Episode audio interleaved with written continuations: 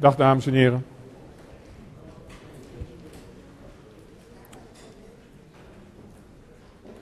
Vandaag gaan wij het hebben over juridische aspecten van financieel management. En ik denk dat een aantal van u, dat is, dat, is, natuurlijk altijd makkelijk, hè? want dat klopt bijna altijd. Dat een groot aantal van u uh, denkt, nou, dit is misschien wel het moeilijkste uh, deel van het boek. Dit is misschien voor mij wel de lastigste managementfunctie om grip op te krijgen. Dat, dat kan ik me heel goed voorstellen. Dat is ook wel mijn ervaring met studenten uh, de afgelopen jaren. En toch valt het reuze mee, kan ik u uh, verzekeren. Als je maar een paar dingen goed in de gaten houdt, dat is vaak zo natuurlijk.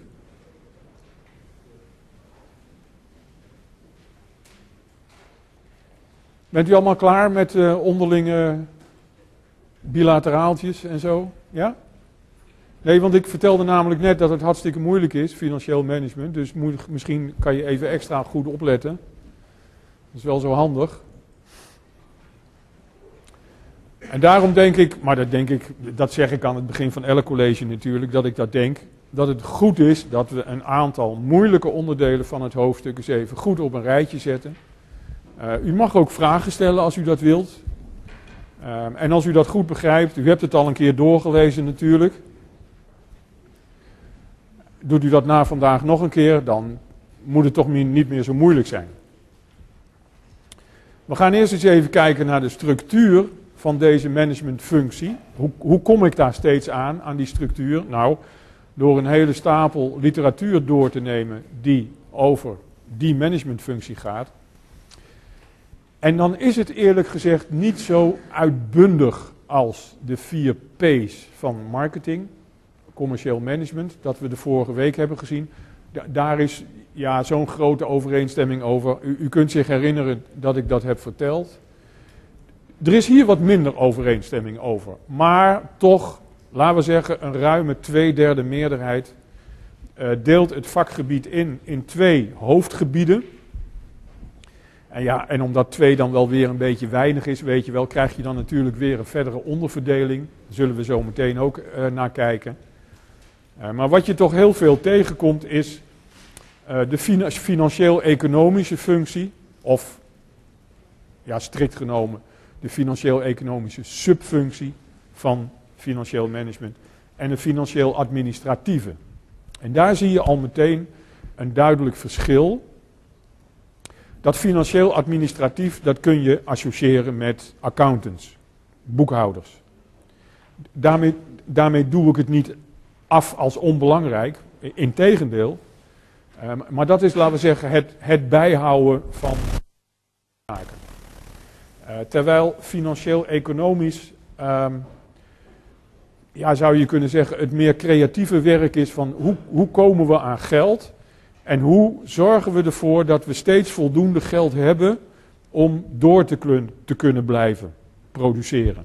Of door te kunnen gaan met uh, dienstverlening.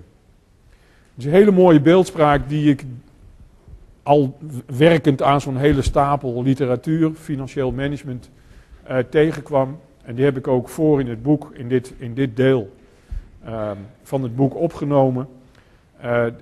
De treasury heeft ervoor gezorgd, de treasurer, dat is dan een persoon, maar de functie is de treasury. Dat kunnen een heleboel mensen zijn. Uh, die heeft ervoor gezorgd dat we genoeg geld hadden om een schip te kopen.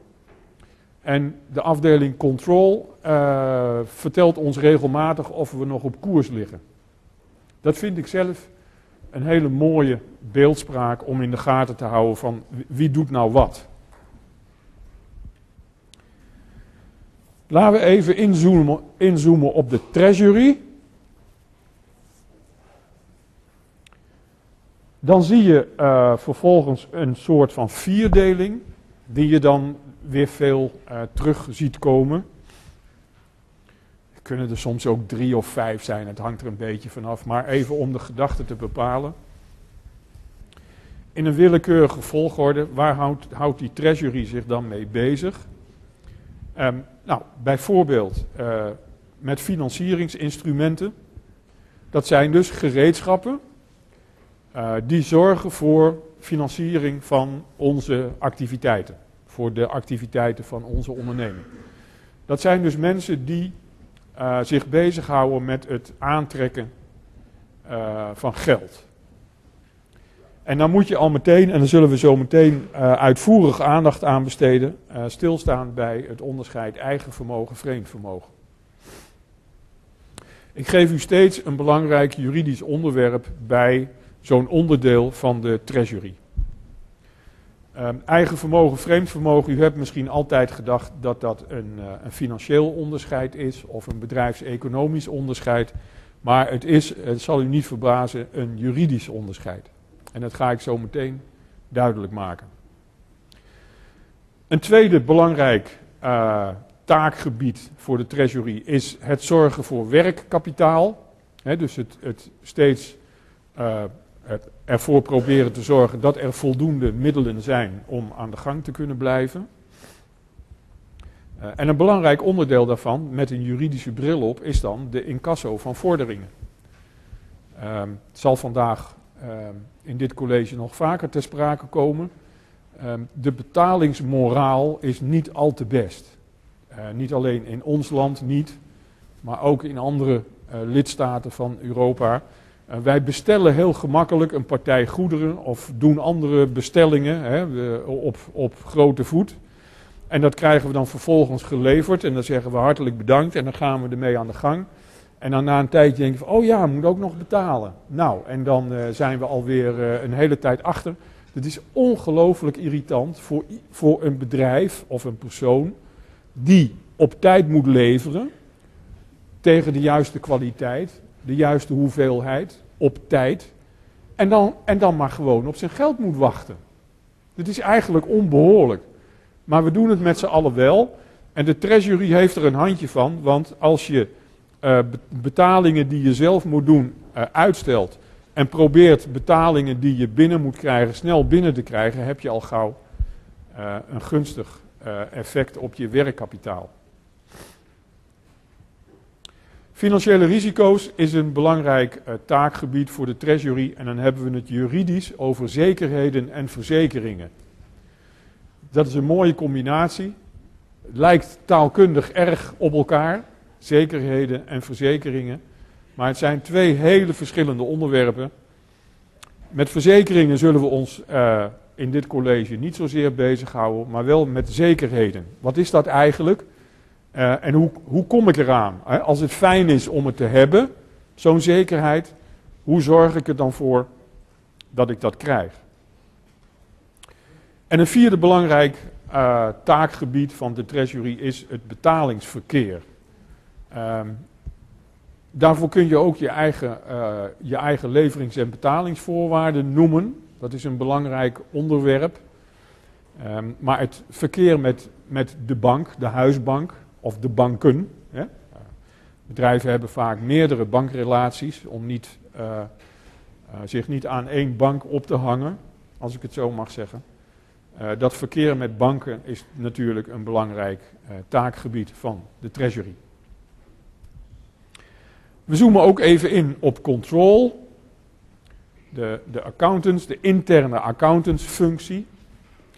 Op de eerste plaats is er, en ik weet dat het een open deur is, maar het is toch geloof ik goed om ermee te beginnen hier. Um, ieder bedrijf, of het nou een klein bedrijfje, kleine uh, pas startende onderneming of anderszins een klein bedrijfje is, of het is een heel grote groep van ondernemingen, dat noemen we ook wel concern, dat maakt allemaal niet uit. De verplichting is om boek te houden. Uh, de Belastingdienst heeft daar uh, belang bij.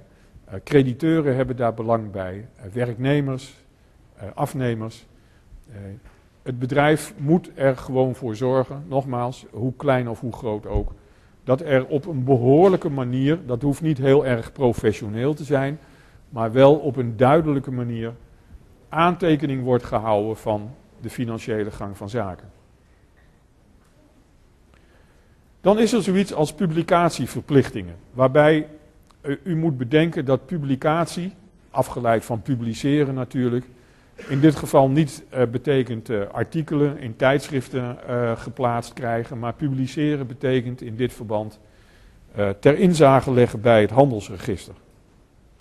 U weet dat het handelsregister een openbaar register is bij de Kamer van Koophandel. dan kan je gewoon naartoe gaan. Niemand vraagt wat kom je hier doen of wat moet je. Nee, dit is een, een openbare aangelegenheid. Daar kan je naartoe gaan. En dan kan je zeggen, ik wil graag inzage hebben in uh, de gegevens die u hebt over dat en dat bedrijf. En niemand zal dan zeggen, waarom is dat nodig of zo, of wat voor belang heb je erbij. Nee, dat is een openbare aangelegenheid. En daar kan je dus ook financiële jaarstukken in zien.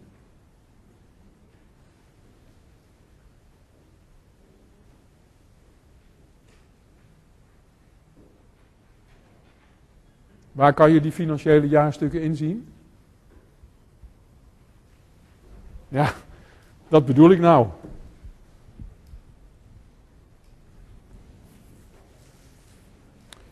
Een derde onderdeel van control, het jaarrekeningenrecht. Eh, ik aarzel om het uit te spreken omdat het is natuurlijk een juridisch uh, deelgebied de jaarrekeningen recht. Hè, dus het zijn allemaal regels en die gaan over jaarrekeningen. Maar eigenlijk snappen juristen niet goed wat daar gebeurt. Het is een, vakgebied, een taakgebied van accountants. Die jaarrekeningen opstellen en die met die regels moeten werken. Ehm, dus het bevindt zich helemaal aan de rand van het werkgebied van juristen, dat jaarrekeningenrecht. We zullen het bij het laatste deel volgende week bij strategisch management nog even tegenkomen hier, omdat in bepaalde omstandigheden, daarom noem ik het alvast om u er even op te attenderen, dat u daar aandacht aan moet besteden. Uh, we zullen dan tegenkomen de geconsolideerde jaarrekening. Misschien dat u daar wel eens van gehoord hebt. Consolidatie is een, is een techniek, een, een administratieve techniek, uh, die ervoor zorgt dat uh, er één uh, overzicht, een één financieel overzicht wordt gemaakt van een groep ondernemingen. En dat is voor die groep heel belangrijk dat dat mag. Want dan hoef je niet van verschillende onderdelen van de groep, hè, van al die dochterondernemingen en zo, afzonderlijk te publiceren. Maar je mag de groep als een geheel uh, presenteren. En dat geeft die, die groep ook de mogelijkheid om uh, verschillen in die groep uh, als het ware weg te werken. Hè, je kan als groep heel sterk naar buiten komen, terwijl onderdelen van die groep bijvoorbeeld heel zwak zijn en anderen dus weer heel sterk. Maar dat, dat, dat mag je verdoezelen in zo'n geconsolideerde jaarrekening. Daar hoort dan wel bij dat de leden van die groep ondernemingen elkaar moeten ondersteunen. En als de een financieel te zwak wordt om alles te betalen, moeten de anderen bijspringen. Dat staat er tegenover. Maar het voordeel van een consolidatie is heel, is heel groot. Dus dat is even um, de structuur van deze managementfunctie uh, in grote lijnen. Het kan uh, in boeken en tijdschriften die u ziet er dus iets anders uitzien, maar in grote lijnen uh, ziet het er zo uit. En hebt u nou ook een idee van wat daar allemaal gebeurt? En als u naar deze tekst uh, kijkt, dan ziet u vijf onderstreepte begrippen. En dat zijn de vijf onderwerpen waar ik in dit college extra aandacht aan wil, besteden, aan wil besteden. Omdat ik denk dat dat een goed idee is.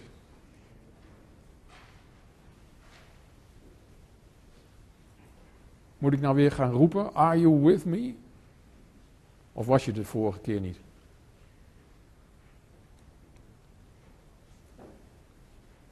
bilateraaltjes in de kantine, mensen. Uh, als je hier blijft zitten, dan heb je aandacht voor het verhaal wat ik te vertellen heb.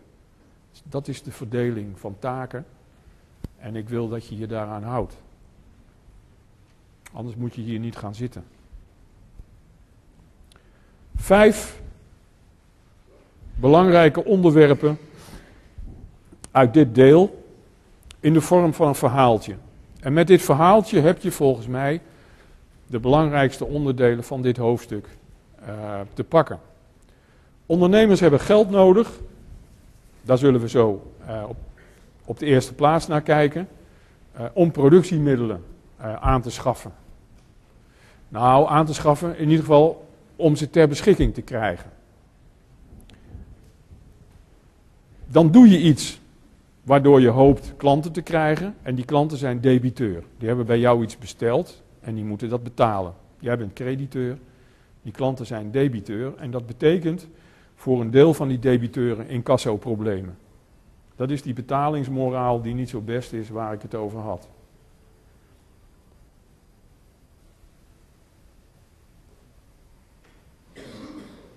Is dat nou weer?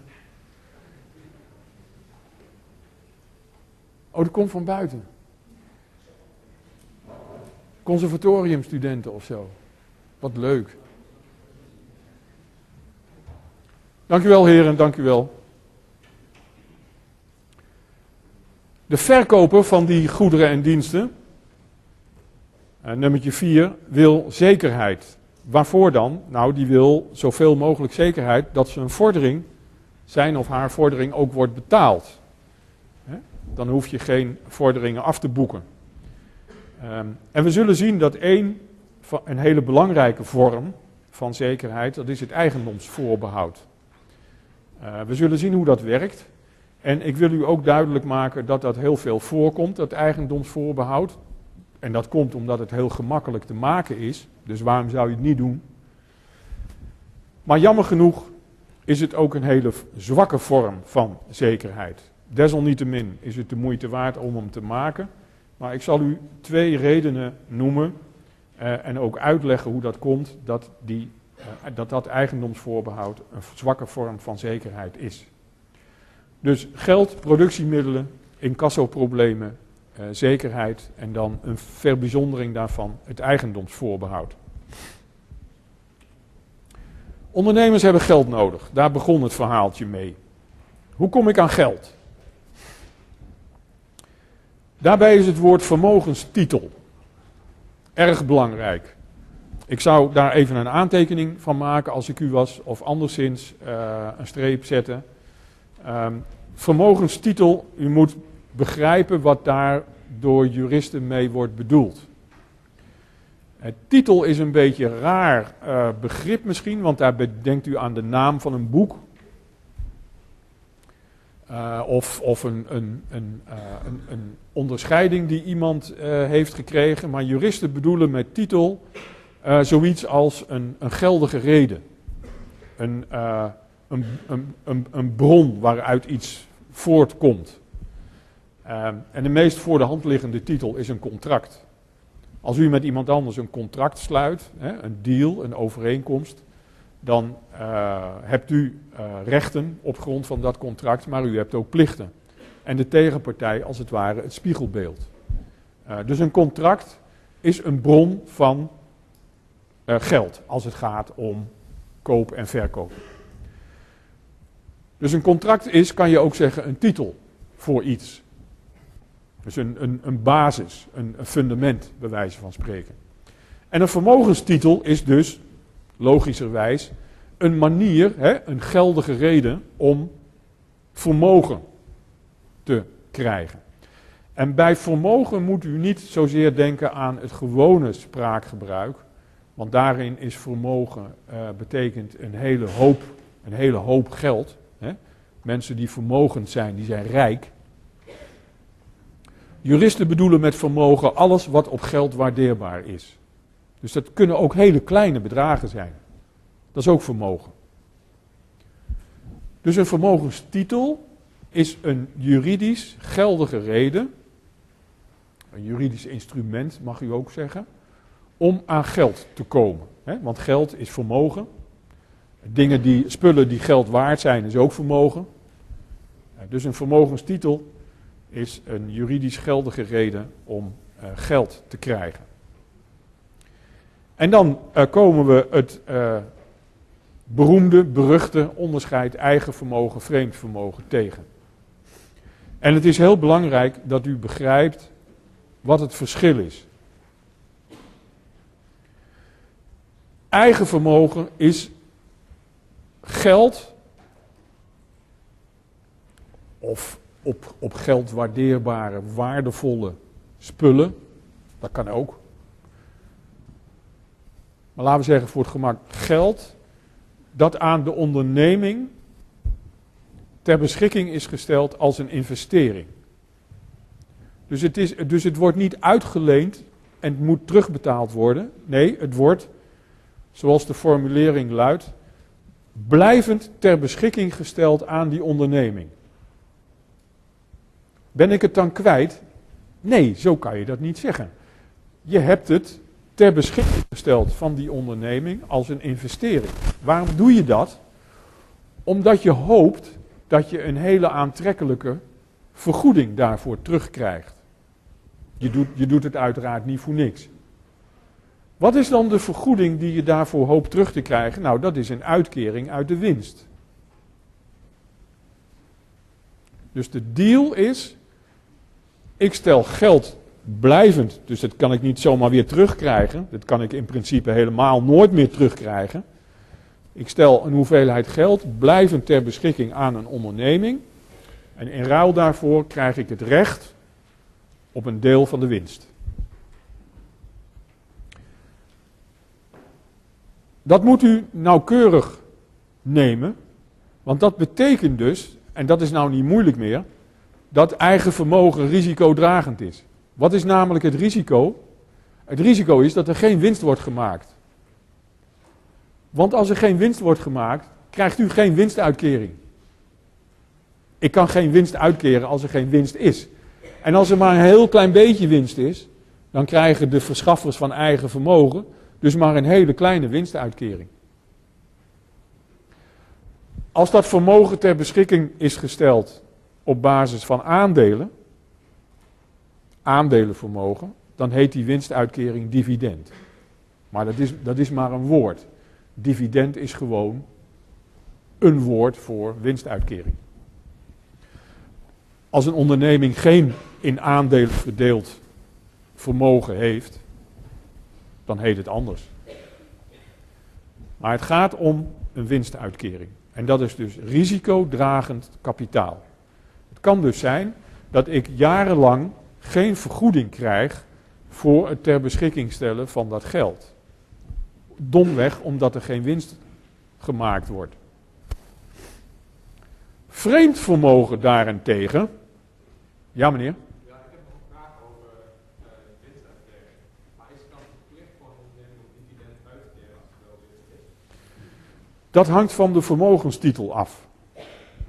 Want in die vermogenstitel, het contract hè, op basis waarvan ik eigen vermogen ter beschikking heb gesteld, daarin staat of er verplicht is om winst uit te keren of niet. Maar in beginsel is er een verplichting om winst uit te keren aan de verschaffers van eigen vermogen als er winst is.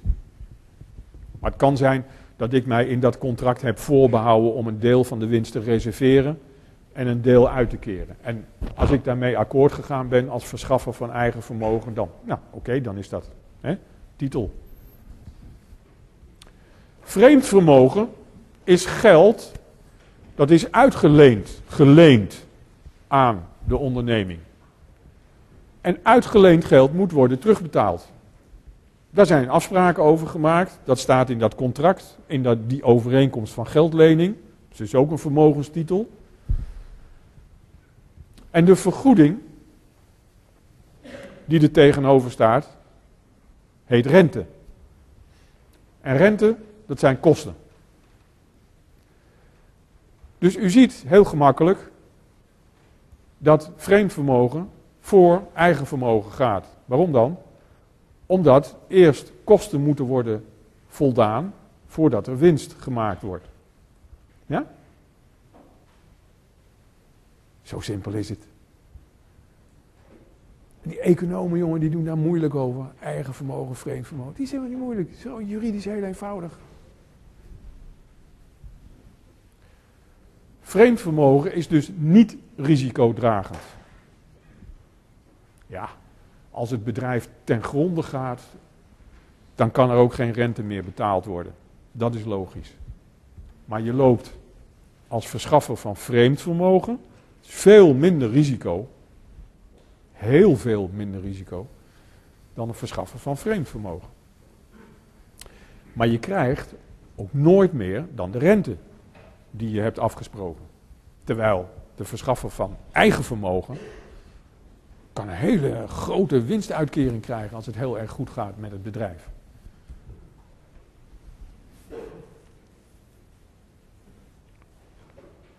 Dit is redelijk zwart-wit. Eigen vermogen, vreemd vermogen. In, in die zin dat het de bedoeling is dat het of het een is of het ander. Maar de creatieve meisjes en jongens van de Treasury, die zijn er in de loop van de tijd in geslaagd om leuke, innovatieve tussenvormpjes te verzinnen. En in vermogenstitels te stoppen en die aan de man en vrouw te brengen. Dus tussenvormen zijn denkbaar en de meest uh, bekende tussenvorm uh, is de achtergestelde lening, zoals u hier helemaal onderaan ziet staan. Dat is vreemd vermogen, hè, want het is geleend geld, het moet worden terugbetaald. Maar het is achtergesteld. Wat bedoelen we daarmee? Achtergesteld achter de gewone verschaffers van vreemd vermogen. Dus eerst komen de gewone verschaffers van vreemd vermogen. En als die hun rente hebben gehad en er is nog voldoende over,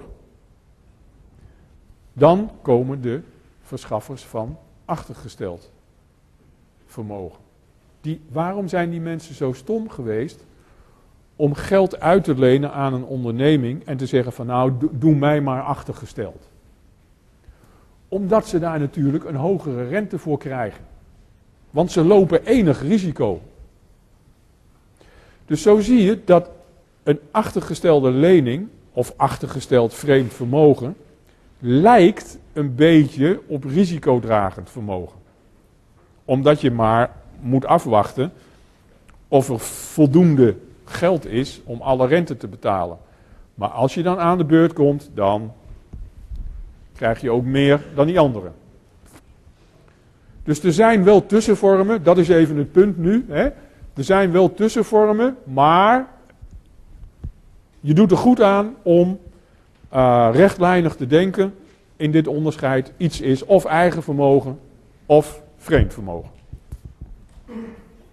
Is dit onderscheid duidelijk? Want dit is, dit is echt zo essentieel dat als dit niet duidelijk is, moet je het gewoon echt zeggen.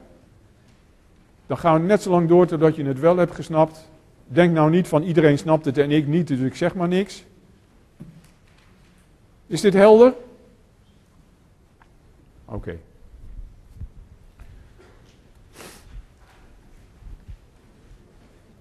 Al die vermogenstitels, hè? al dat eigen vermogen en vreemd vermogen is allemaal geld. Hè? Op een gegeven moment hebben we geld. Hè? We weten niet meer precies of het eigen vermogen of vreemd vermogen is, geld. En daar gaan we wat mee doen. Dat is ondernemen. We hebben productiemiddelen nodig. Uh, grondstoffen, computers, uh, tafels en stoelen, bureaus, vloerbedekking, uh, vrachtwagens, noem maar op. Te veel om op te noemen, bijna. Daar hebben we geld voor. Dan kunnen we gaan kopen of we kunnen gaan huren. Als we kopen, heeft dat het voordeel dat het meteen van ons geworden is. We zijn eigenaar geworden. Dit betekent dat als we er geen zin meer, als we er geen zin meer in hebben, of, of het bevalt niet, of we willen iets nieuws, dan kunnen we het gewoon weer verkopen. Want we zijn eigenaar. Het is van ons. Nadeel is wel dat we dan ook meteen de koopprijs op tafel moeten leggen. We kunnen misschien nog een beetje rekken. Maar die leverancier die levert niet voor niks. Die wil geld, die wil die koopprijs hebben. Dus dat kost ons meteen een hele slok geld. Misschien dat we dan beter kunnen huren. Want het voordeel daarvan is dat we wel meteen het productiemiddel ter beschikking krijgen. Dus we kunnen ermee werken. En we betalen per maand of per andere termijn betalen we een bedrag. De huursom. Maar ja, het wordt nooit van ons. Je kunt het wel gebruiken. Het wordt steeds minder waard. Het moet ook uh, onderhouden worden en gerepareerd en zo. Dat is misschien ook lastig. Misschien kunnen we een soort tussenvorm bedenken. Weet je wat we doen? We gaan de koopprijs in termijnen betalen. Dat heet koop op afbetaling. Voordeel, we worden meteen eigenaar, want je wordt eigenaar op het moment dat, dat je het, het goed, het product, het productiemiddel geleverd krijgt. Hè, dan word je eigenaar.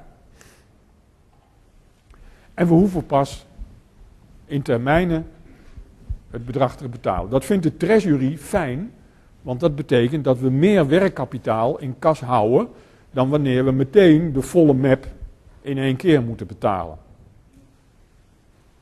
Koop op afbetaling. Als de verkoper dat doet, is het mooi, dan moet je verder nergens meer over praten. Maar die verkoper is natuurlijk ook niet op zijn achterhoofd gevallen, want die denkt van ja, dat is wel mooi, dan kan ik een productiemiddel verkopen. Maar ik krijg de koopprijs pas in termijnen. En als ze nou niet de volle koopprijs betalen, na twee termijnen houden ze al op met betalen. Zeggen ze ja, we hebben geen geld meer. Sorry. Dan ben ik mijn productiemiddel kwijt en ik heb maar de helft van de koopprijs gekregen. Dat vind ik niet handig als verkoper. Dus weet je wat ik doe? Ik, behoud, ik maak een eigendomsvoorbehoud. Ik zeg, ik lever jou het productiemiddel. Jij betaalt in termijnen. Maar je wordt pas eigenaar niet meteen bij de levering, maar als de laatste termijn binnen is. Als ik de laatste termijn heb ontvangen, dan pas gaat de eigendom over.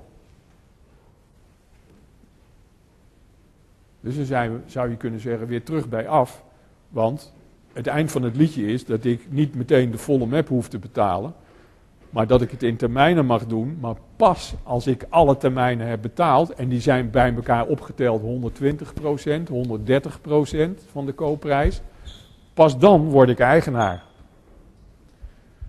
Dat heet huurkoop. Nou snap je ook waarom er boven stond kopen of huren. Daar kan je tussen kiezen.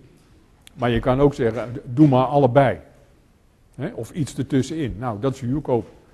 Dus het kenmerk van huurkoop is eigendomsvoorbehoud. De verkoper blijft eigenaar totdat de laatste cent van de koopprijs en nog een beetje meer, hè, want er zit rente en risico in verrekend, is betaald.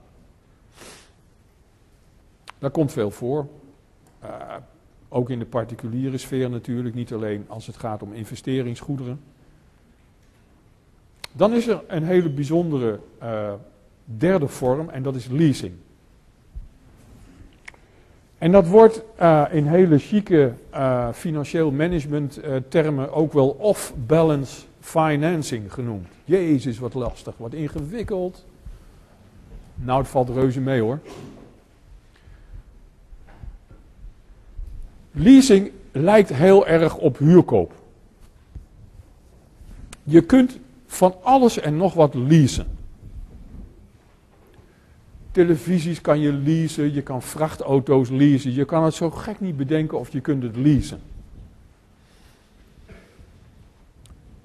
Waarom heet het off-balance financing? Omdat het een vorm van financieren is van productiemiddelen die ervoor zorgt dat je het niet op de balans hoeft te zetten. Off-balance. Het hoeft niet op de balans. Het mag zelfs niet eens op de balans. Waarom niet? Omdat je geen eigenaar wordt van die productiemiddelen. Je krijgt het ter beschikking. Je mag het gebruiken. Je krijgt een gebruiksrecht. En daarvoor betaal je. Een soort huur zou je kunnen zeggen. Er zit onderhoud in, verdisconteerd van het productiemiddel en uh, verzekeringen, afschrijving. En, dus het is wel iets meer dan huur, iets anders ook. Je wordt het is niet de bedoeling dat je ooit eigenaar wordt. Hangt er een beetje vanaf. Er zijn twee, twee soorten leasing. Daar, daar, gaat het nu. Dat moet je maar nalezen in het boek. ik vind het van belang om duidelijk te maken wat leasing is. Dat iedereen snapt wat leasing is. Dus je wordt geen eigenaar. Daarom hoef je het niet op de balans te zetten, want het is geen actief. Het hoort niet tot de activa. En je betaalt het zolang je het nodig hebt. Beetje duurder, maar wel handig. En dan zijn er verschillende soorten in de praktijk ontwikkeld. Daarom is leasing in de praktijk zo belangrijk. En daar wil ik even met je naar gaan kijken. Figuur 19.1 staat op pagina 294.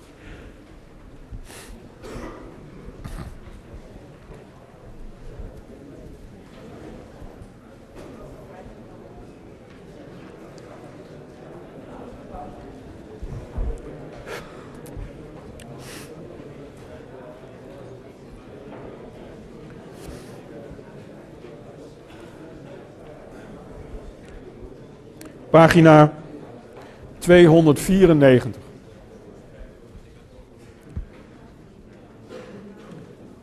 We krijgen zometeen, uh, zoals je ziet, na de twee partijen lease, de drie partijen lease. Die komt in de praktijk veel meer voor, maar om te snappen hoe die in elkaar zit, eerst even een blik werpen op de twee partijen lease. Partijen heten lessor en lessee. En de lessor is de eigenaar van het productiemiddel. En die eigenaar die stelt het productiemiddel ter beschikking op grond van een bedrijf, van een gebruiksrecht. Dus je, je zou kunnen zeggen, het gebruiksrecht, hè, dat is dus de, de, de titel. Stelt hij het productiemiddel ter beschikking aan de lessee. De lessee is de gebruiker, die mag het zo lang gebruiken als afgesproken is en betaalt daarvoor een lease termijn. Zo simpel is het. Dus de uh, lessor die investeert in een productiemiddel en uh, stelt het vervolgens ter beschikking en krijgt daardoor inkomsten. Wat in de praktijk vaker gebeurt, moet je even de pagina omslaan, dat is de drie partijen lease.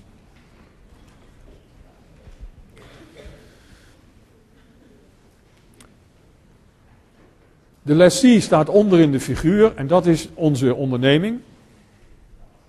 En die wil productiemiddelen gaan leasen. En die weet precies wat hij wil. Die geeft op specificatie aan waar die computer, waar die machine, waar dat transportmiddel aan moet voldoen. En hij geeft opdracht aan de leverancier om te zorgen dat dat productiemiddel wordt geïmporteerd of wordt gefabriceerd of hoe die het doet, het maakt niet uit. Maar daar gaat de bestelling naartoe en de specificaties. En dan is er een derde partij en dat is de de lessor. En dat is in de praktijk een leasemaatschappij. Dat is een financieringsonderneming uh, die uh, producten financiert uh, die door de fabrikant wordt geleverd, rechtstreeks aan de gebruiker, aan de lessee. de, les, de lessor zorgt ervoor dat de leverancier de koopprijs krijgt. Klaar is Kees. En vervolgens gaat er een relatie ontstaan tussen lessee en lessor. Net zoals bij de twee partijen lease, waarbij de lessee de gebruiks, de lease-termijnen betaalt aan de leasemaatschappij. Op deze manier rijdt half Nederland in een auto. Nou ja, een derde van Nederland misschien. Hm? Nog even verder. Eén bladzijde omslaan, figuur 19.3.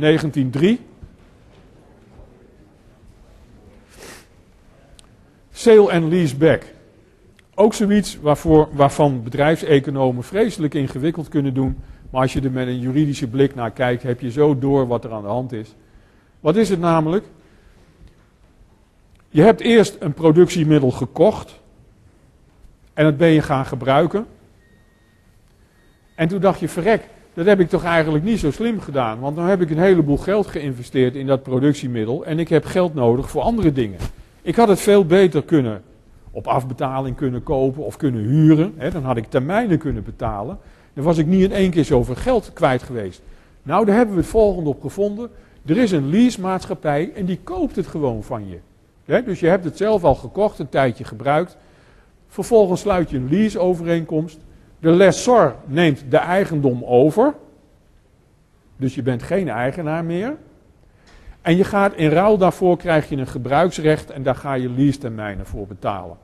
Dat is sale en leaseback. Gewoon letterlijk nemen, verkopen en terug leasen. Hè? Dus een manier om meer werkkapitaal te krijgen. Even de laatste regel nog hier. Je weet niet wat je ziet. Wat bedoelen we ermee? Wij zijn een onderneming begonnen, wij uh, uh, produceren producten en we krijgen een grote order. Er is een grote klant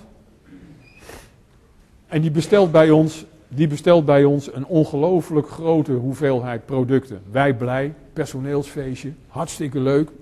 Eindelijk onze doorbraak, weet je wel. Volgende morgen worden we wakker en we denken, zou dat wel serieus zijn die order? Is dat geen geintje van iemand? Ik word er helemaal zenuwachtig van. Zouden ze wel goed zijn voor hun geld? Veronderstel dat wij die enorme partij producten leveren. En er wordt één keer een termijn betaald en daarna nooit meer iets. Dan kunnen we misschien meteen de tent sluiten. Weet je wat? Zeg tegen iemand, hè, tegen mijn broer of die andere uh, vrouw waar ik uh, de onderneming bij ben gestart. Ga eens even kijken bij dat bedrijf of dat er een beetje kredietwaardig uitziet. Weet je wel? Hè? Dan zijn we misschien gerustgesteld. Nou, en die, uh, en die compagnon van mij die komt terug, laaiend enthousiast zeg. Prachtig bedrijf, nog nooit zoiets gezien. Mooie hallen, nieuwe vrachtauto's, machines, je likt er je vingers bij af. Niet te geloven gewoon. Je weet niet wat je ziet. Allemaal geleased. Je denkt, dat is een goede klant. Daar valt wat te halen. Hè? Als ze niet betalen, geeft niks. We sturen een deurwaarder, nemen gewoon de hele tent in beslag. Geld genoeg, we verkopen het. Verhalen onze vordering. Moet je zien. En dat kan je mooi vergeten. Want het is allemaal geen eigendom van dat bedrijf. Het is allemaal geleased. Moraal. Wat je ziet, hoeft niet juridisch zo te zijn als wat jij denkt dat het is. Ja?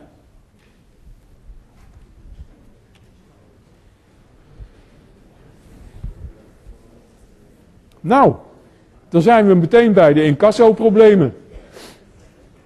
Want die zullen er komen. Of je het leuk vindt of niet.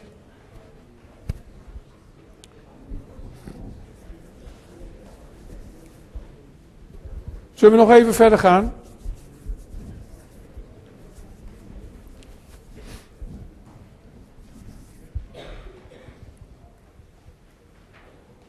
Voordat we. Hallo. Voordat we tot incasso kunnen overgaan. Sommige bedrijven zijn daar namelijk veel te snel mee. Moet eerst vaststaan dat de debiteur in verzuim is. Zo heet dat. Hoe, hoe, eh, hoe stellen we dat dan vast? Hoe weten we dat dan?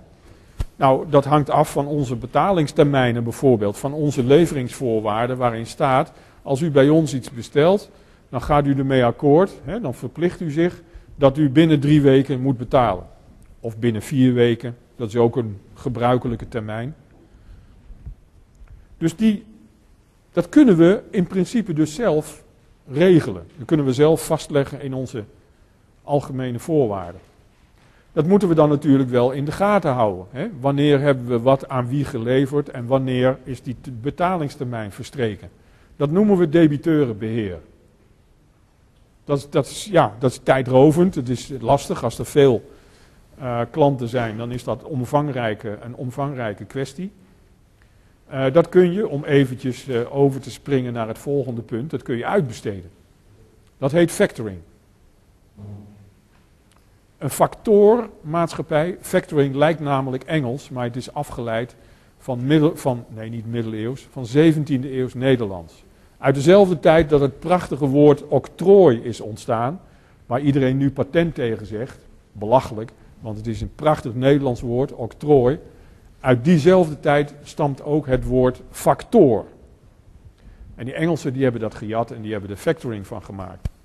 Maar een factor mei, dat is een maatschappij die zich bezighoudt met factoring. Die kunnen tegen jou zeggen, hoeveel vorderingen heb jij uitstaan? Tel het eens bij elkaar op. Die koop ik van jou voor minder natuurlijk, hè? Want ik loop het risico van incasso. Dus jij krijgt minder als je ze aan mij overdraagt, maar er staat tegenover dat jij wel meteen een heleboel werkkapitaal hebt. Dat kan. Dat soort uh, deals kan je sluiten met een factor mei. Bevoorschotting heet dat, of zelfs het kopen van vorderingen. Maar je kunt pas spreken over een vordering als de debiteur in verzuim is. Nog even terug naar het eerste puntje. En voor de zekerheid, hè, ook al staat het in onze algemene voorwaarden, u bent in verzuim als u niet binnen vier weken hebt betaald, dan is het toch voor de zekerheid handig om één keer een aanmaning te sturen. En in zo'n aanmaning, betalingsherinnering, heet het ook wel heel vriendelijk. Eh, in gebrekenstelling noemen juristen het ook wel. Daarin staat nog één keer een termijn. Maar dat is wat we noemen een fatale termijn. Dat is de laatste gelegenheid die je krijgt. Vandaar fataal. Je vindt, het misschien een, je vindt het misschien een beetje raar woord in dit verband, maar het is een hele gebruikelijke juridische term. Om gewoon even vast te stellen, en nu ben je echt in verzuim. Dat betekent, kosten die wij moeten maken om de vordering te incasseren zijn voor jouw rekening, want jij bent in verzuim. Dus schiet een beetje op. Nou, dat kan uit de hand lopen met zo'n incasso. Uh, het kan zijn dat we beslag moeten laten leggen. Dat kunnen we niet zelf doen. Daar hebben we een deurwaarder voor nodig. Die rekent daar ook weer geld voor. Uh, maar in principe kan alles wat van waarde is in beslag worden genomen. Behalve hele persoonlijke spullen. En dan noemen we dat verhaal halen, hè? want we kunnen wat we dan in beslag hebben genomen met toestemming van de rechtbank, mogen we dat verkopen. En de opbrengst is, kan worden verrekend met de vordering.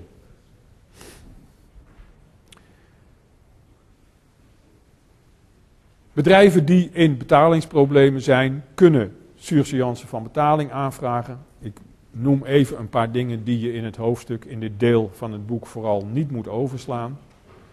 Um, surseance betekent uitstel van betaling. Uh, de rechtbank wijst dan een bewindvoerder aan. Als het een faillissement is, dan is het een curator. Um, als het niet een BV is of een andere rechtsvorm, volgende week komen de rechtsvormen aan de orde, maar het gaat om een natuurlijke persoon, dan zou er schuldsanering mogelijk kunnen zijn.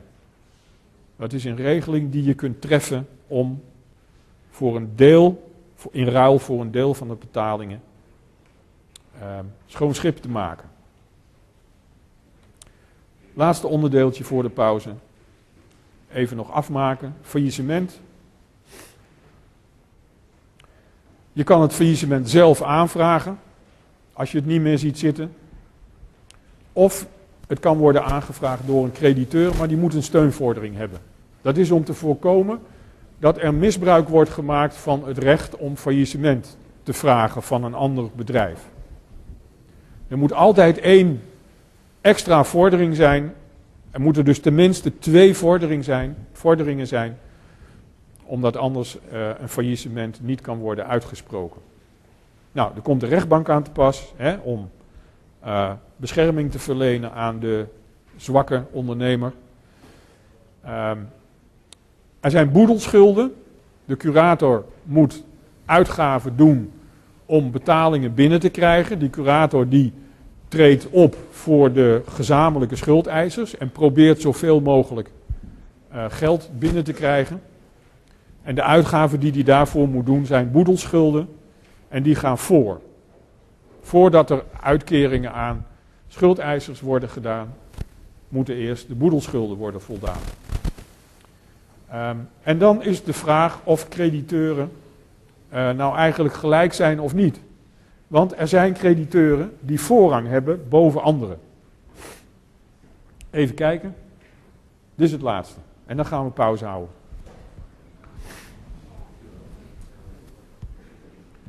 Iedereen die, die meent een vordering te hebben, die vordering moet worden geverificeerd. Nee, geverifieerd. Ja. Dus de curator doet aan verificatie van vorderingen. dus niet iedereen die meent zomaar iets te vorderen te hebben, die moet, het moet aangetoond kunnen worden. Degene die failliet verklaard wordt, die kan een akkoord aanbieden. Dat gebeurt in een minderheid van de gevallen. Uh, je kan een voorstel doen aan de crediteuren. Zeggen als ik nou uh, eh, 30% van alle uitstaande vorderingen betaal en ik krijg in ruil daarvoor kwijtschelding, dan hebben we een akkoord. Soms lukt dat. Moet je wel aan geld zien te komen om zo'n akkoord aan te bieden. En dat moet worden goedgekeurd door de rechtbank. Dat heet homologatie. Dat woord mag je vergeten, maar het is handig als je het weet. En dan uiteindelijk is het de bedoeling dat er met boedelschulden, hè, uitgaven die zijn gemaakt, uh, de curator erin geslaagd is om alle activa te gelden te maken. En dan is er een liquidatiesaldo. Hè. Uiteindelijk blijft er geld over. Als alle spullen van de gefailleerde zijn verkocht. En dan is er een rangorde van crediteuren. En daarom stond hier zojuist onderaan, zijn die crediteuren nou wel of niet gelijk? Nou ja, in principe wel. Maar als je kijkt naar uh, de voorrang die ze kunnen hebben, dan lijkt het zo te zijn dat ze eerder ongelijk zijn dan gelijk. Even nog kort stilstaan bij uh, de volgorde. Helemaal bovenaan de separatisten. Waarom heten die zo? Ze staan, het woord separaat ken je, hè? afgescheiden van. Ze staan los van alle andere crediteuren. Ze kunnen zich gedragen alsof ze er niks mee te maken hebben. Separaat. Separatisten. Dan heb je de preferente crediteuren, dat zijn schuldeisers met een voorrang. En om het niet al te ingewikkeld te maken, heb ik dit verder niet uitgewerkt. Maar dat is nog een hele puzzel. Als je als curator werkt of op een kantoor van een curator. Uh, en je moet het allemaal gaan uitpuzzelen, want sommige crediteuren hebben een hogere voorrang dan anderen. Je weet, de Belastingdienst heeft een hele hoge preferentie. Boedelschulden staan helemaal bovenaan. Uh, loonvorderingen, uh, hele hoge preferentie. En dan zo naar beneden, naar beneden. Allemaal nog preferenties, maar daarbinnenin weer een aparte rangorde. Dan, jammer genoeg, de schuldeisers die geen voorrang hebben, die noemen we concurrent. Die zijn gelijk. Die krijgen allemaal een gelijk deel. Al, als er nog wat te verdelen valt inmiddels. Hè. Dan krijg je de achtergestelde crediteuren. Dat is hun eigen schuld. Hè. Want die hebben voor een hogere rente ermee ingestemd dat ze achtergesteld werden. En uiteindelijk zie je de verschaffers van eigen vermogen. Maar die komen bijna nooit meer aan de beurt. En daarom heten ze verschaffers van risicodragend vermogen. En nou is het verhaal rond. En dat had ik nodig om nu te kunnen pauzeren.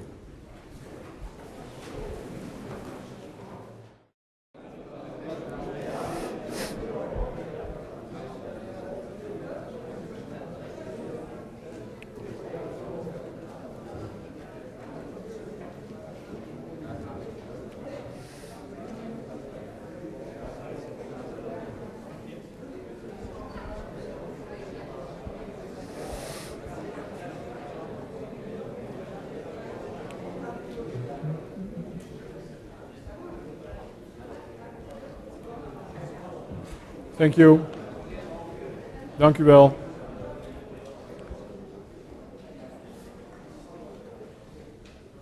Wij gaan weer verder. Even weer, even weer naar het overzicht. Ondernemers hebben geld nodig. Vermogenstitels, eigen vermogen, vreemd vermogen. Voor productiemiddelen, hoe komen we eraan? Kopen of huren, huurkoop, leasing, Klanten zijn debiteur, incassoproblemen. Uh, de debiteur moet in verzuim zijn. Nog één keer aanmanen. Uh, surseance. faillissement, eventueel schuldsanering natuurlijke personen.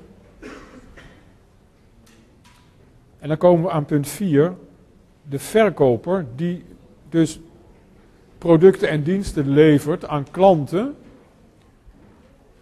Die wil, als die klanten in de problemen komen, zoveel mogelijk zekerheid creëren, zodat de kans dat hij zijn vordering niet helemaal of helemaal niet kan realiseren, zodat die kans zo klein mogelijk is.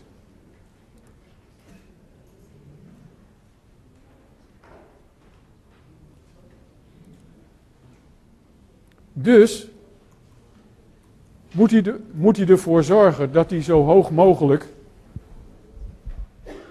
in de rangorde komt te staan.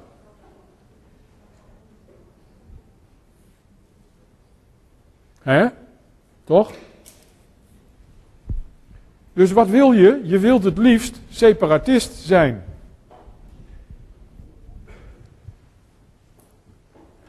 En als je geen separatist kunt worden, dan wil je in ieder geval graag een hoge rangorde hebben.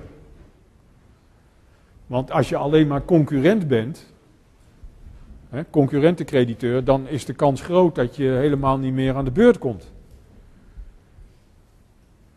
Dus we gaan nu van drie aan het derde onderwerp naar het vierde onderwerp.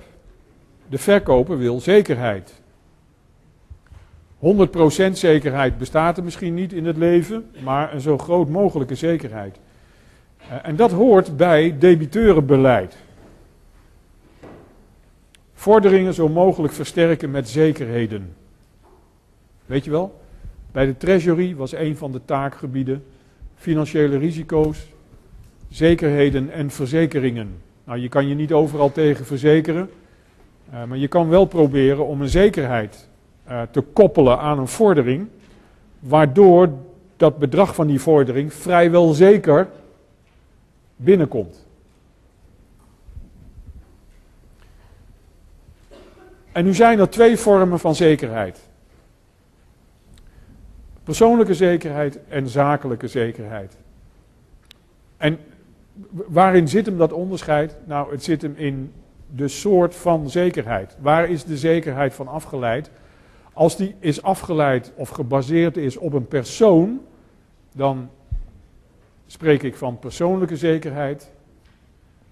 En dan heb ik de belangrijkste uh, vorm daarvan, de borgtocht. Of het is een zakelijke zekerheid.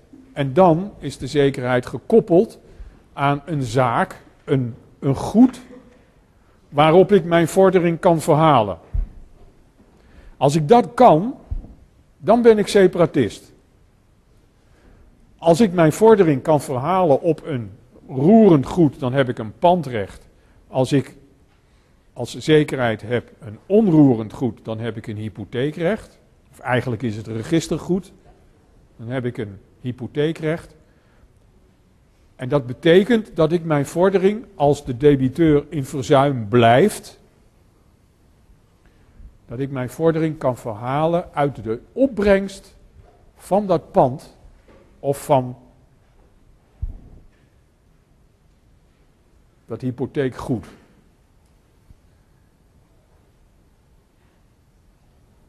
En als ik dat kan, dan ben ik separatist.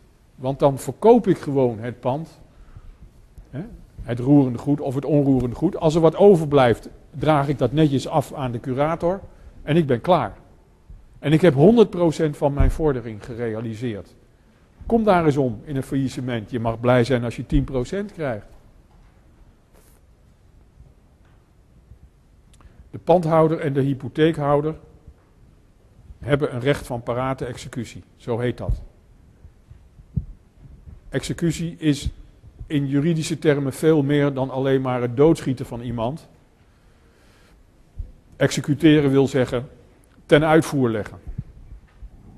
Dus als ik dat, uh, dat roerende goed of dat registergoed kan verkopen en die kan mij op de opbrengst verhalen, draag ik uh, het eventuele meerdere af, ben ik klaar. Separatist.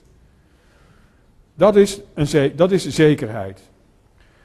Zakelijke zekerheid hebben we dus nu ja, min of meer over gehad. Hè. Als je een huis wil kopen, ga je naar de bank, vraag je aan de bank uh, geld. Die bank zegt, dus goed, maar ik wil zekerheid voor dat je die lening terugbetaalt. Ik wil een hypotheekrecht op dat huis. Zo worden huizen gefinancierd. Even terug naar de persoonlijke zekerheid, want ik wil aandacht besteden aan figuur 19.4. En die staat op pagina 316.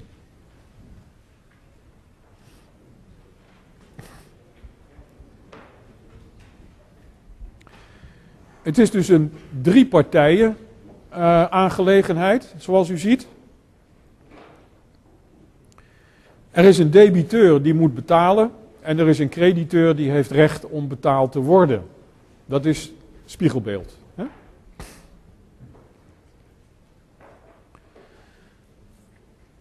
En die crediteur heeft uh, tegen de debiteur gezegd: Ik wil wel geld aan jou lenen, maar ik wil zekerheid. Heb je niet een huis? Nee, dat heb ik niet. Nou, heb je dan niet iets anders in een roerend goed of zo? Nee, ook niet eigenlijk. Ja, oude computer, maar verder ook niet.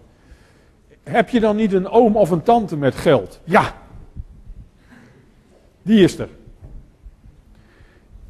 In belastingtermen heet zo iemand wel tante Agaat. Ik, daar heeft ooit een staatssecretaris van Financiën een keer bedacht. Misschien dat hij zelf zo'n tante had of, of graag wilde hebben. Dat kan ook natuurlijk. Een rijke oom of tante, of neef of nicht of wie dan ook, en die stelt zich borg. Hé, hey, dat heb je wel eens eerder gehoord. Het contract heet borgtocht. Heeft niks met tocht te maken, maar alles met borg. En het is eigenlijk heel simpel, want die borg, hè, tante Agaat, die belooft te zullen betalen als blijkt dat de debiteur dat niet kan. Of niet wil. Dat zou ook kunnen. Dus er moet blijken dat die debiteur in verzuim is. En als die in verzuim blijft, dan heeft de crediteur een tweede debiteur.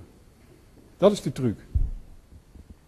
Dus bij borgtocht heb ik één crediteur en twee debiteuren. En als de borgtocht heeft betaald. Nee, laat ik het eerst in het begin. Als de debiteur gewoon alsnog betaalt, dan vervalt de hele borgtochtconstructie, want die is niet meer nodig. Als de debiteur niet betaalt, wat wij al vreesden, dan kan de crediteur de borg aanspreken. Die borg die betaalt, laten we dat aannemen, want dat heeft hij beloofd. En vervolgens treedt dan die borg die heeft betaald in de plaats van de crediteur en die krijgt een vordering op de debiteur. Dus op die manier kan de borg proberen om alsnog aan zijn geld te komen. Als die heeft voorgeschoten. Zo werkt borgtocht. Persoonlijke zekerheid.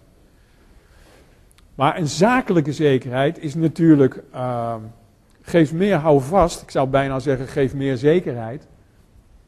Dan zo'n persoonlijke zekerheid. Want ja, op een gegeven moment is tante Agaat naar het casino geweest.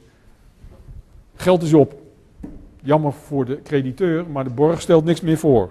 En zo'n huis, dat blijft altijd nog wel wat waard. Hoewel, tegenwoordig.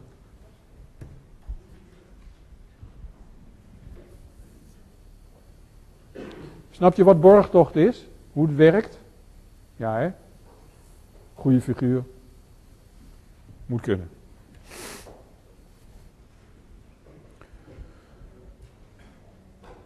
Een heel veel voorkomende vorm van zekerheid is eigendomsvoorbehoud.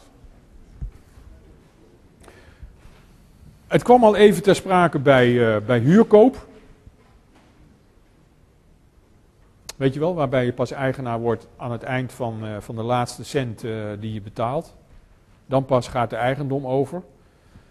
en dat heeft in de praktijk heel veel leveranciers ertoe gebracht om in hun algemene leverings- en betalingsvoorwaarden gewoon standaard de bepaling op te nemen. Um, alle door ons geleverde goederen blijven ons eigendom totdat de laatste cent van de koopprijs is betaald. Heel makkelijk, één zin. schrijf je op in je algemene voorwaarden en je hebt een vorm van zekerheid. Nou, dat doet dus ook iedereen. Als het zo makkelijk is, hè? waarom zouden we dat dan niet doen? Hoe werkt het dan? Die klant betaalt niet, is in verzuim, nog één aanmaning, fatale termijn, komt nog geen geld binnen. Incasso. Eigendom is niet overgegaan, hè, want het is niet alleen dat de laatste cent niet betaald is, er is helemaal niks betaald. Dus wij zijn als leverancier nog steeds eigenaar van die producten die wij hebben geleverd. En die kunnen wij dus als eigenaar ook weer terugvorderen. Iets wat je eigendom is, kan je altijd overal terugvorderen. Dus dat is de zekerheid die je hebt. Je kan zeggen van, nou ja, kijk, als het netjes op gepast is op die spullen en ze zijn nog nieuw, dan heb je eigenlijk geen nadeel. Ja, hooguit een beetje renteverlies. Kan natuurlijk ook zijn dat die spullen inmiddels tweedehands genoemd moeten worden. Nou, dan leid je wel verlies, maar je hebt in ieder geval nog iets aan zekerheid. Hè? Je blijft niet met nul achter. Je krijgt je spullen terug en daar kan je weer wat mee. Kan je aan iemand anders verkopen of je kan ze recyclen of weet ik veel. Dus dat is de zekerheid die je hebt bij eigendomsvoorbehoud. Gemakkelijk gemaakt. Hoeft alleen maar in je betalingsvoorwaarden op te schrijven. Maar waar het nu om gaat is dat het een hele zwakke vorm van zekerheid is. Desondanks maakt iedereen het omdat het zo makkelijk is. Maar je moet je wel realiseren dat het in een aantal gevallen uh, uh, nou ja, veel minder voorstelt dan je had gehoopt. En daar zijn vooral twee redenen voor. Eh, de eerste is wat uh, heel juridisch heet de bescherming van de derde verkrijger te goede trouw. Klinkt heel juridisch, is het ook. Even kijken, staat hier. Ja. Wat is er aan de hand? A verkoopt met eigendomsvoorbehoud aan B, een partij goederen. Dus A heeft zich de eigendom voorbehouden. B heeft nog niet betaald. Anders zou er niks aan de hand zijn. Hè? B is ook geen eigenaar geworden door de levering, want wij hebben ons de eigendom voorbehouden. Dus B moet nog eigenaar worden. Maar desondanks weet hij veel. Verkoopt hij het gewoon door aan C. In de hoop dat hij daar geld van krijgt, neem ik aan. Zo heb je hebt van die mensen die, die stoppen op die manier allerlei gaten met allerlei geld wat ze overal vandaan halen. En op een gegeven moment hebben ze zelf ook geen overzicht meer. He? Nou ja.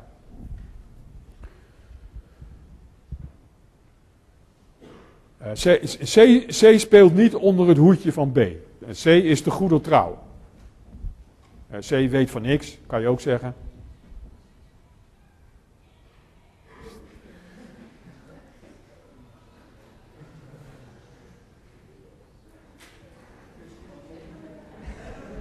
Heet u misschien C? Oh. Dus we veronderstellen dat C te goede trouw is. Hè? Als C onder één hoedje speelt met B, dan is er een heel andere. Dan hebben we een strafrechtelijke toestand, eh, oplichting, verduistering, weet ik veel. Uh, daar hebben we het niet over. C koopt niets vermoedend die spullen van B. Um, en de heeft ze betaald of niet, dat doet er niet toe. Wat doen we nou? A heeft evenveel recht om beschermd te worden als C. A heeft het hele zaakje in gang gezet. Als A geen goederen had geleverd, dan had C nou helemaal niks gehad. Dus A die heeft uh, het helemaal in gang gezet. Die heeft uh, de, de, de, de, goederen ter beschikking gesteld, zou je bijna kunnen zeggen, voor de hele deal. Uh, heeft geleverd en nooit een cent gezien. Nou, schande. A moet gewoon zijn geld hebben. Bovendien, A is eigenaar gebleven. En een eigenaar mag, mag die goederen altijd overal opvorderen. Bij B en ook bij C. Nou, dus A die gaat naar C en die zegt hier met dat spul, want het is van mij. En dan zegt C, die, kent die man helemaal niet. Die denkt, wat is dat voor een rare figuur? Ik ben eigenaar, hoezo? Ik heb dat spul gekocht van B en uh, rechtmatig, verder niks aan de hand. Dus je ziet, je moet kiezen. Je kan niet zeggen van, nou weet je wat, geef ze gewoon allebei gelijk. Dat kan niet. Je moet partij kiezen voor A of voor C. A heeft geleverd, heeft recht op zijn geld, is eigenaar gebleven, sterke positie. Maar C is de goede trouw. C heeft niemand belazerd, uh, had geen enkel vermoeden om te veronderstellen dat B dit soort rare dingen wel vaker doet. Dus heeft evenveel recht om beschermd te worden. Nou zou je zeggen, nou ik kies toch voor A. Dat kan ik me heel goed voorstellen. Maar denk even door. De hele handel ligt plat als je dat doet. Niemand durft ooit meer iets van iemand anders te kopen. Want er zal altijd wel ergens iemand eigendomsvoorbehoud gemaakt hebben. En dan moet ik gaan uitzoeken, is dat zo? Eigendomsvoorbehoud. Heeft B wel betaald? Want ik wil zeker weten als C dat B betaald heeft. Want anders krijg ik A op mijn dak. Dat kan niet werken. In de handel moeten partijen producten snel kunnen, van eigenaar kunnen wisselen. Dus, om de belangen van de handel te beschermen, zeg maar rustig van de economie, hebben we gekozen voor C. Dat is de regel. De regel is, de derde verkrijger, kijk wat er boven staat, kijk wat er boven staat, de derde verkrijger, mits de goede trouw, hè, wordt beschermd. Dat is dan knap lullig voor A. Ja, dat is ook zo. We kunnen ze niet allebei tegelijk beschermen. En we hebben gekozen voor C vanwege de belangen van de handel en A heeft het nakijken. Conclusie. Eigendomsvoorbehoud. Zwak verhaal, want als het wordt doorverkocht onder deze voorwaarden, heb je niks aan je eigendomsvoorbehoud. Dus dat is de eerste reden waarom eigendomsvoorbehoud een zwak een zwakke vorm van zekerheid is. Is dat duidelijk? Ja? Ja, want B blijft verplicht om te betalen natuurlijk. Ja. Maar zijn zekerheid is die kwijt. Hè? Dat is het. Oké. De tweede reden, want we zijn er nog niet, de tweede reden waarom het eigendomsvoorbehoud een zwakke vorm van zekerheid is, heeft ons de casus van het Amsterdam Arena Stadion geleerd. En het heeft niks met Martin Jol te maken. Uh, was er bij de afgelopen introductie van stress, uh, waren de mensen aanwezig die zich de Amsterdam Arena case herinneren, of niet? Ja?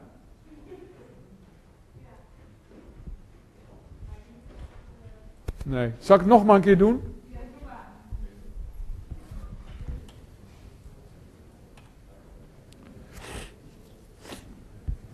Het lijkt heel veel, die tekst, maar het valt mee. Uh, even kijken, wat doe ik? Zo.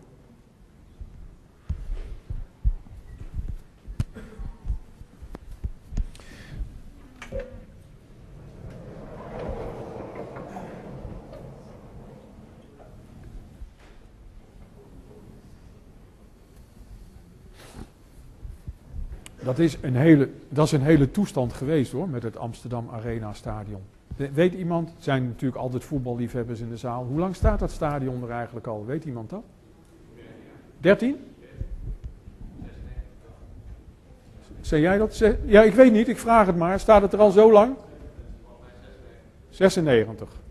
14, 15 jaar. En um, ben je er wel eens geweest? Wat is er zo bijzonder aan? Ja, en dat dus het gras niet groeit. Hè? Het gras is geloof ik al uh, eh, 13 keer weer ingezaaid. Nou ja. Beweegbaar dak, jongens. Daar gaat het om. Ik dacht dat dit een juridisch college was. Ja, maar dat komt zo. Beweegbaar dak. Er is een aannemer. Er is een aannemer die in een aannemerscombinatie op zich heeft genomen om dat dak te maken. Zodanig dat het dicht kan. Weet je, is handig. Als het regent, blijft het binnen droog. Uh, beweegbaar dak. Stalen constructie met tandwielen. Dus er zijn van die grote tandwielen. Ik vertel nu dingen waar ik absoluut geen benul van heb. Zijn van die tandwielen en die lopen aan beide kanten van uh, het stadion. Lopen ze zo uh, over een rail en dat dak dat kan zo dan dicht. Ongeveer. Uh, er is een hoofdaannemer. En die heeft opdracht gegeven aan Bailey, zo heet dat bedrijf. Dat is gewoon een Nederlands bedrijf hoor. Heeft opdracht gegeven aan Bailey om die dakconstructie te ontwerpen. Nou, Bailey heeft dat, die opdracht geaccepteerd. Natuurlijk een hele prestigieuze opdracht. En onderdeel van die dakconstructie zijn dus die tandwielen. Hè? En, maar daar heeft Bailey geen verstand van. En die heeft dat onderdeel van de dakconstructie, het werkt nog steeds, uitbesteed aan Brevini. Je denkt dat dat de Italianen zijn, is niet zo, is ook gewoon een Nederlands bedrijf. Tandwielen en kasten, want die tandwielen die horen in kasten. Die noemen we tandwielkasten. Nou, en Brevini vindt het ook een leuke opdracht, accepteert die opdracht en levert die tandwielkasten aan Bailey met eigendomsvoorbehoud. Ja, logisch. Staat in de algemene betalingsvoorwaarden van Brevini. Wij leveren altijd uh, onder eigendomsvoorbehoud. Dat betekent dat u pas eigenaar wordt als de laatste cent aan ons is betaald. Ja? Levert uh, tandwielkasten met eigendomsvoorbehoud aan Bailey. En Bailey, die, uh, ja, weet ik niet wat ze daarmee doen, maar die levert het door. En dan worden die tandwielkasten en die tandwielen, die worden gemonteerd in een groter geheel. En dat noemt de rechtbank een rijaandrijving. Zie je het voor je? Rijaandrijving. Dus dat is zeg maar het, het, het, wat ervoor moet zorgen dat dat dak beweegt. Dat, is een, dat is een rijaandrijving. Nou, zeggen, wat een drukte zeg, wat een fus. Uh, wat is er nou eigenlijk allemaal aan de hand? Nou, het volgende.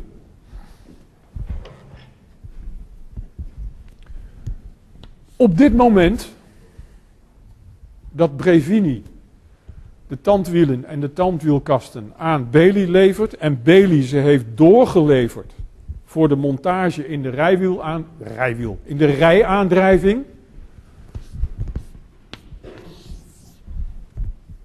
Gaat Bailey failliet. Ah. Rechtbank, rechtbank benoemt de curator. En curator gaat aan de slag. Boedelschulden, heel gedoe. En Brevini heeft nog geen cent gezien. En Brevini.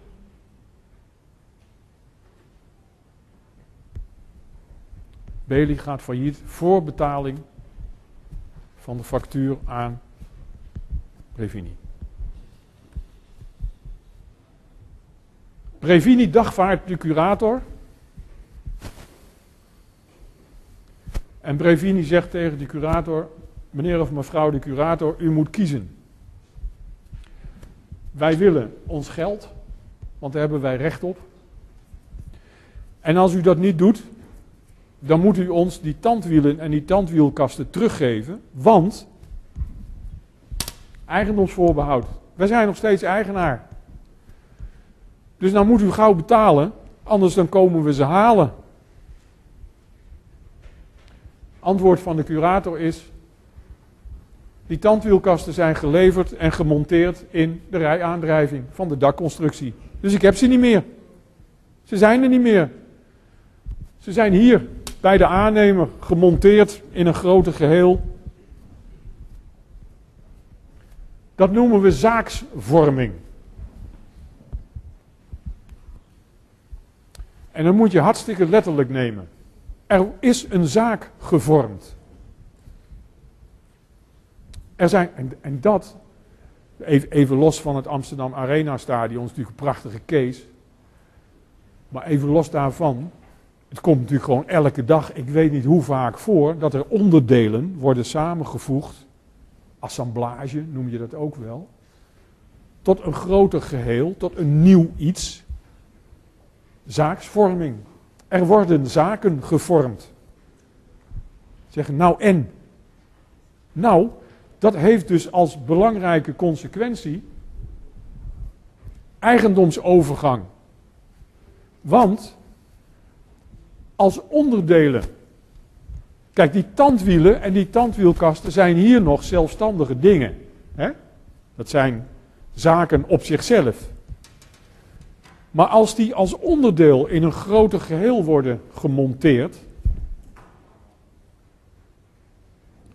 Denk ook aan ingrediënten en grondstoffen die in een, in een, in een drank of, of, of in een ander product.